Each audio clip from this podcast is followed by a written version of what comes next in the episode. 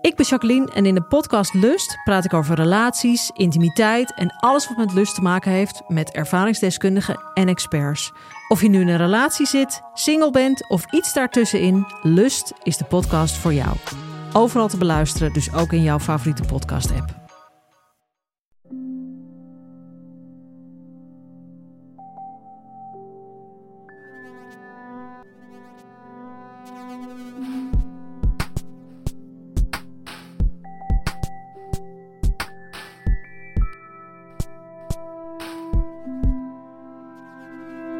Hey, ik ben Pieter van Relaas. In Relaas hoor je waargebeurde verhalen en die worden verteld door de mensen die ze zelf hebben meegemaakt. Relaas gaat altijd over mensen en hoe ze emotioneel connecteren. Dat kan met elkaar zijn, maar soms ook met zichzelf. Als die connectie met jezelf niet goed zit, ja, dan zit je niet goed in je vel en dan gaan sommige mensen op zoek naar wat hen wel gelukkig maakt. Ik denk alle mensen doen dat. En ook Zoe doet dat. Na een lange zoektocht naar wat haar nu eigenlijk gelukkig maakt in het leven, vindt ze het geluk gewoon in het midden van de straat. Let op voor de opname, ze is niet ideaal, sorry daarvoor, maar we vonden het verhaal wel belangrijk genoeg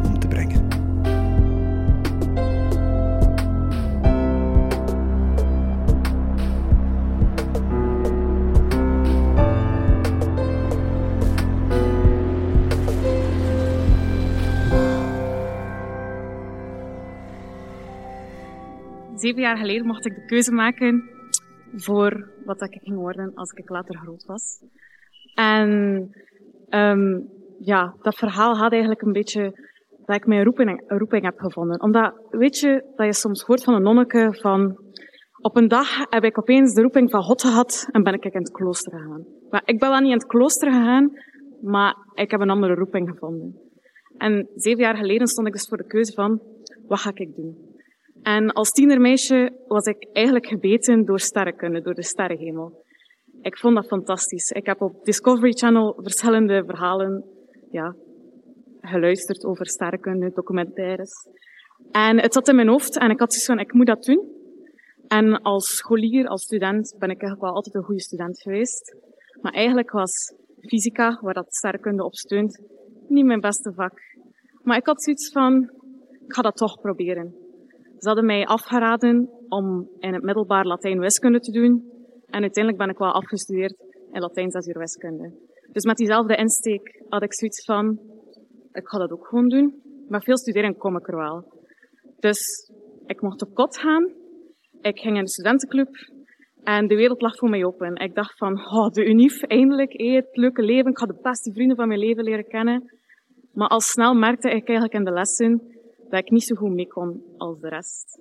Iedereen was mee en ik had vaak zoiets van, oei, ik snap het niet. Ook zelf na veel studeren was vaak van, ik snap het niet. En ook die vrienden, die kwamen er wel. Een studentenclub, dat is tof. Maar het waren niet de vrienden voor het leven. Het waren geen vrienden waarvan dat ik kon zeggen van, ik bel je op s'nachts en ik zeg wat er aan de hand is.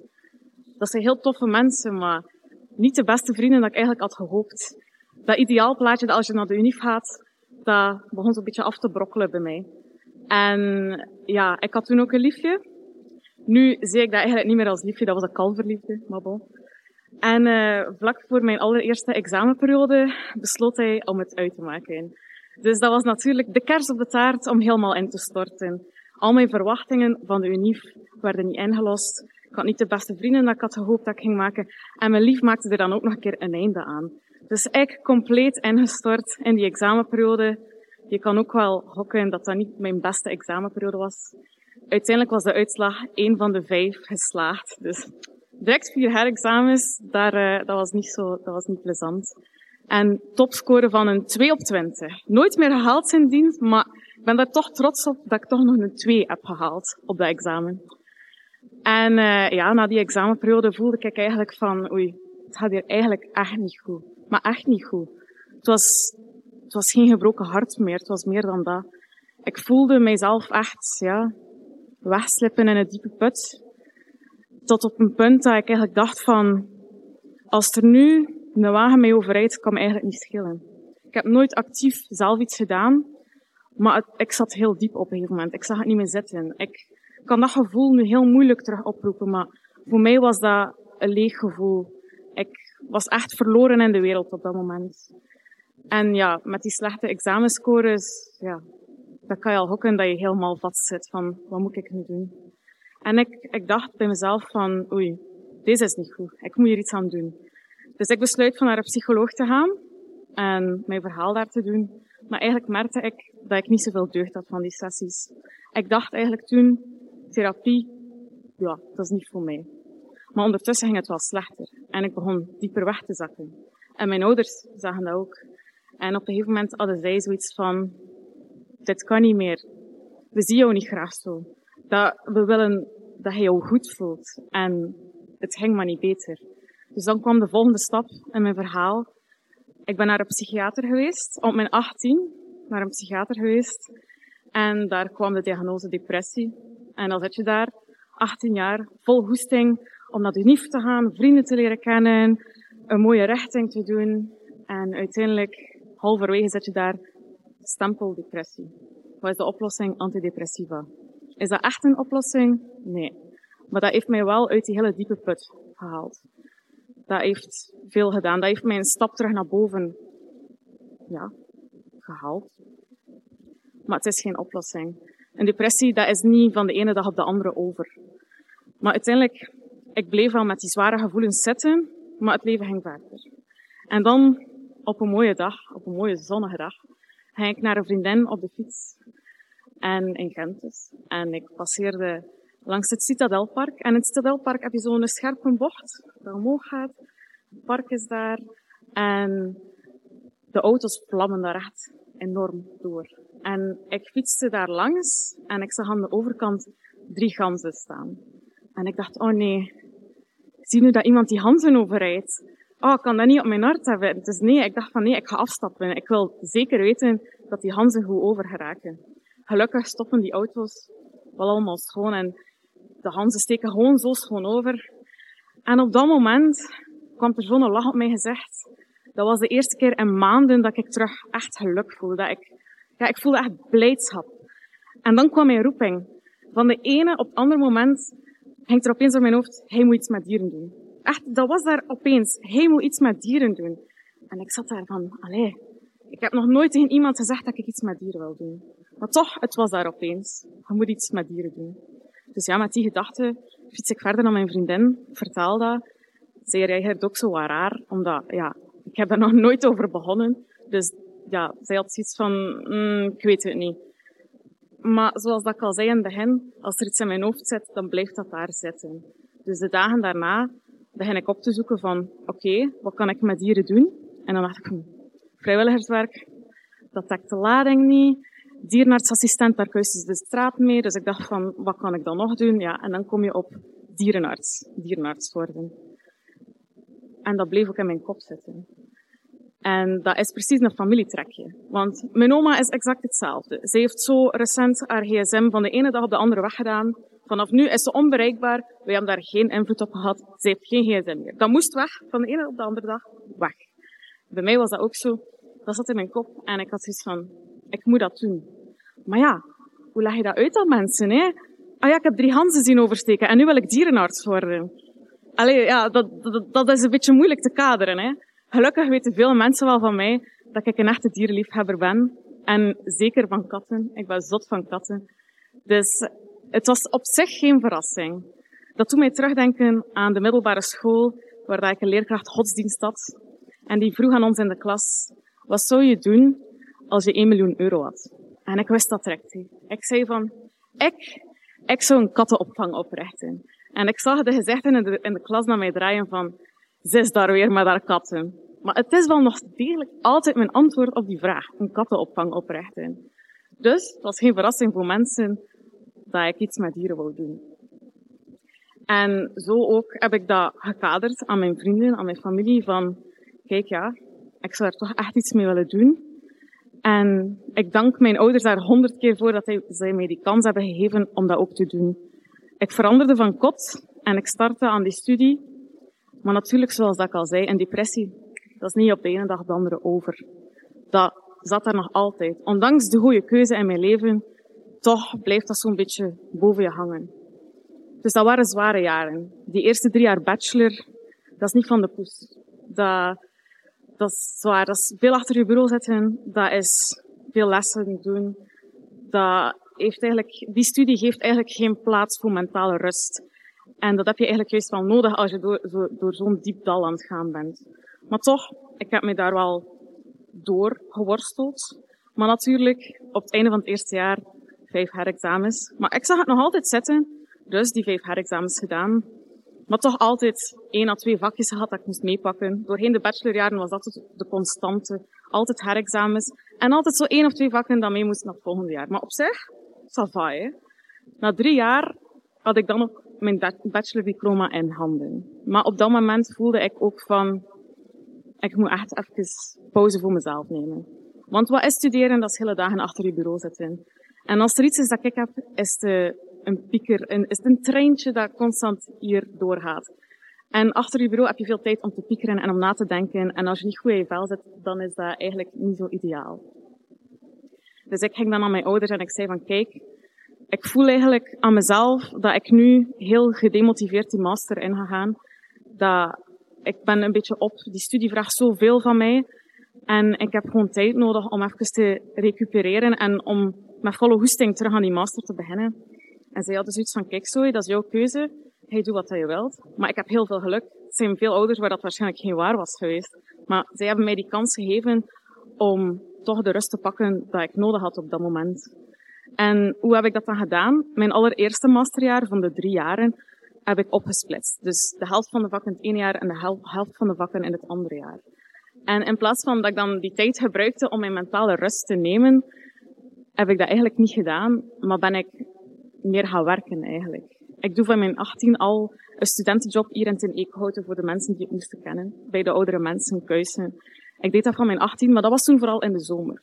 Maar ik ben dat toen ook doorheen het jaar meer en meer beginnen doen. Omdat ik eigenlijk merkte, dat treintje in mijn hoofd, dat stopt meer als ik gewoon structuur heb. Als ik ga gaan werken, als ik bezig ben met mijn handen. Dat doet mij echt deugd.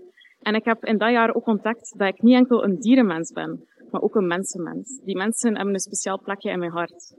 En zo ook de jaren daarna ben ik gewoon veel blijven werken, terwijl dat mijn master werd eigenlijk niet minder zwaar. Dus dat resulteerde ook altijd weer in herexamens. Ik heb nooit een jaar gekend zonder herexamens.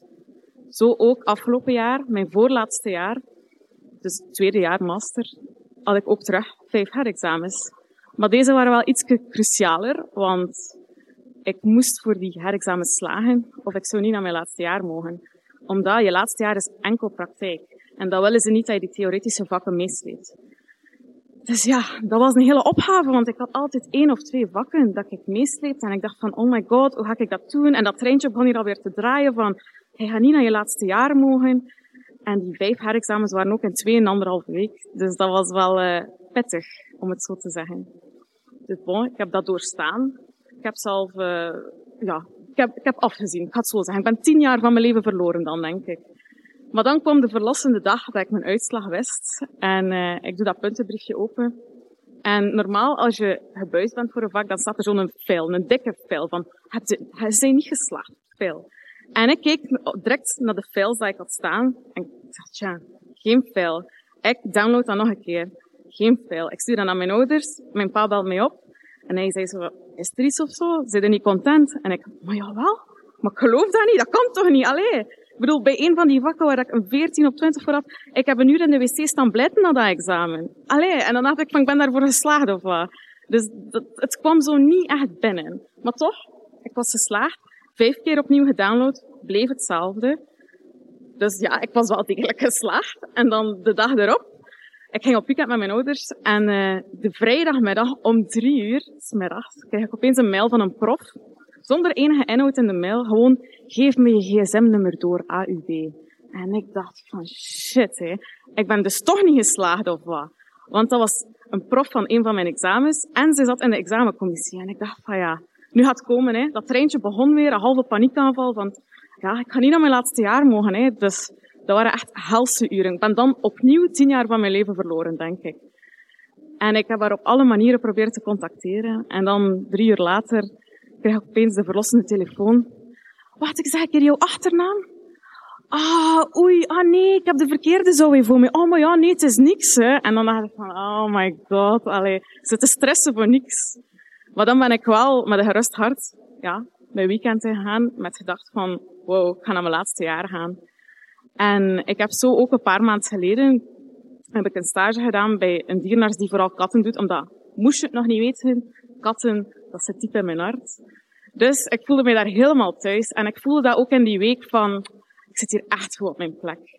En zoveel jaar geleden was ik een heel onzeker meisje. En als je dan na een week stage lopen hoort van, amai, hij straalt veel zelfvertrouwen uit. Ja, dat doet toch goed, dan weet je dat je goed zit. Hè. En ik voelde dat eigenlijk ook aan elke vezel in mijn lijf van, ik heb hier goed gekozen. Ik voel dat ik hier het juiste aan het doen ben. En nu ben ik aan mijn laatste jaar gestart, een zwaar jaar. Maar ik zie het volledig zitten. En ondanks dat dat een keuze is dat eigenlijk zeer impulsief is gemaakt, zo heb ik echt zoiets van, ik voel het diep van binnen dat dat goed zit, dat ik juist zit. En als er mij nu iemand vraagt van, waarom zeg je eigenlijk dierenarts geworden? Dan is het in het kort omdat ik drie ganzen heb zien oversteken. Merci.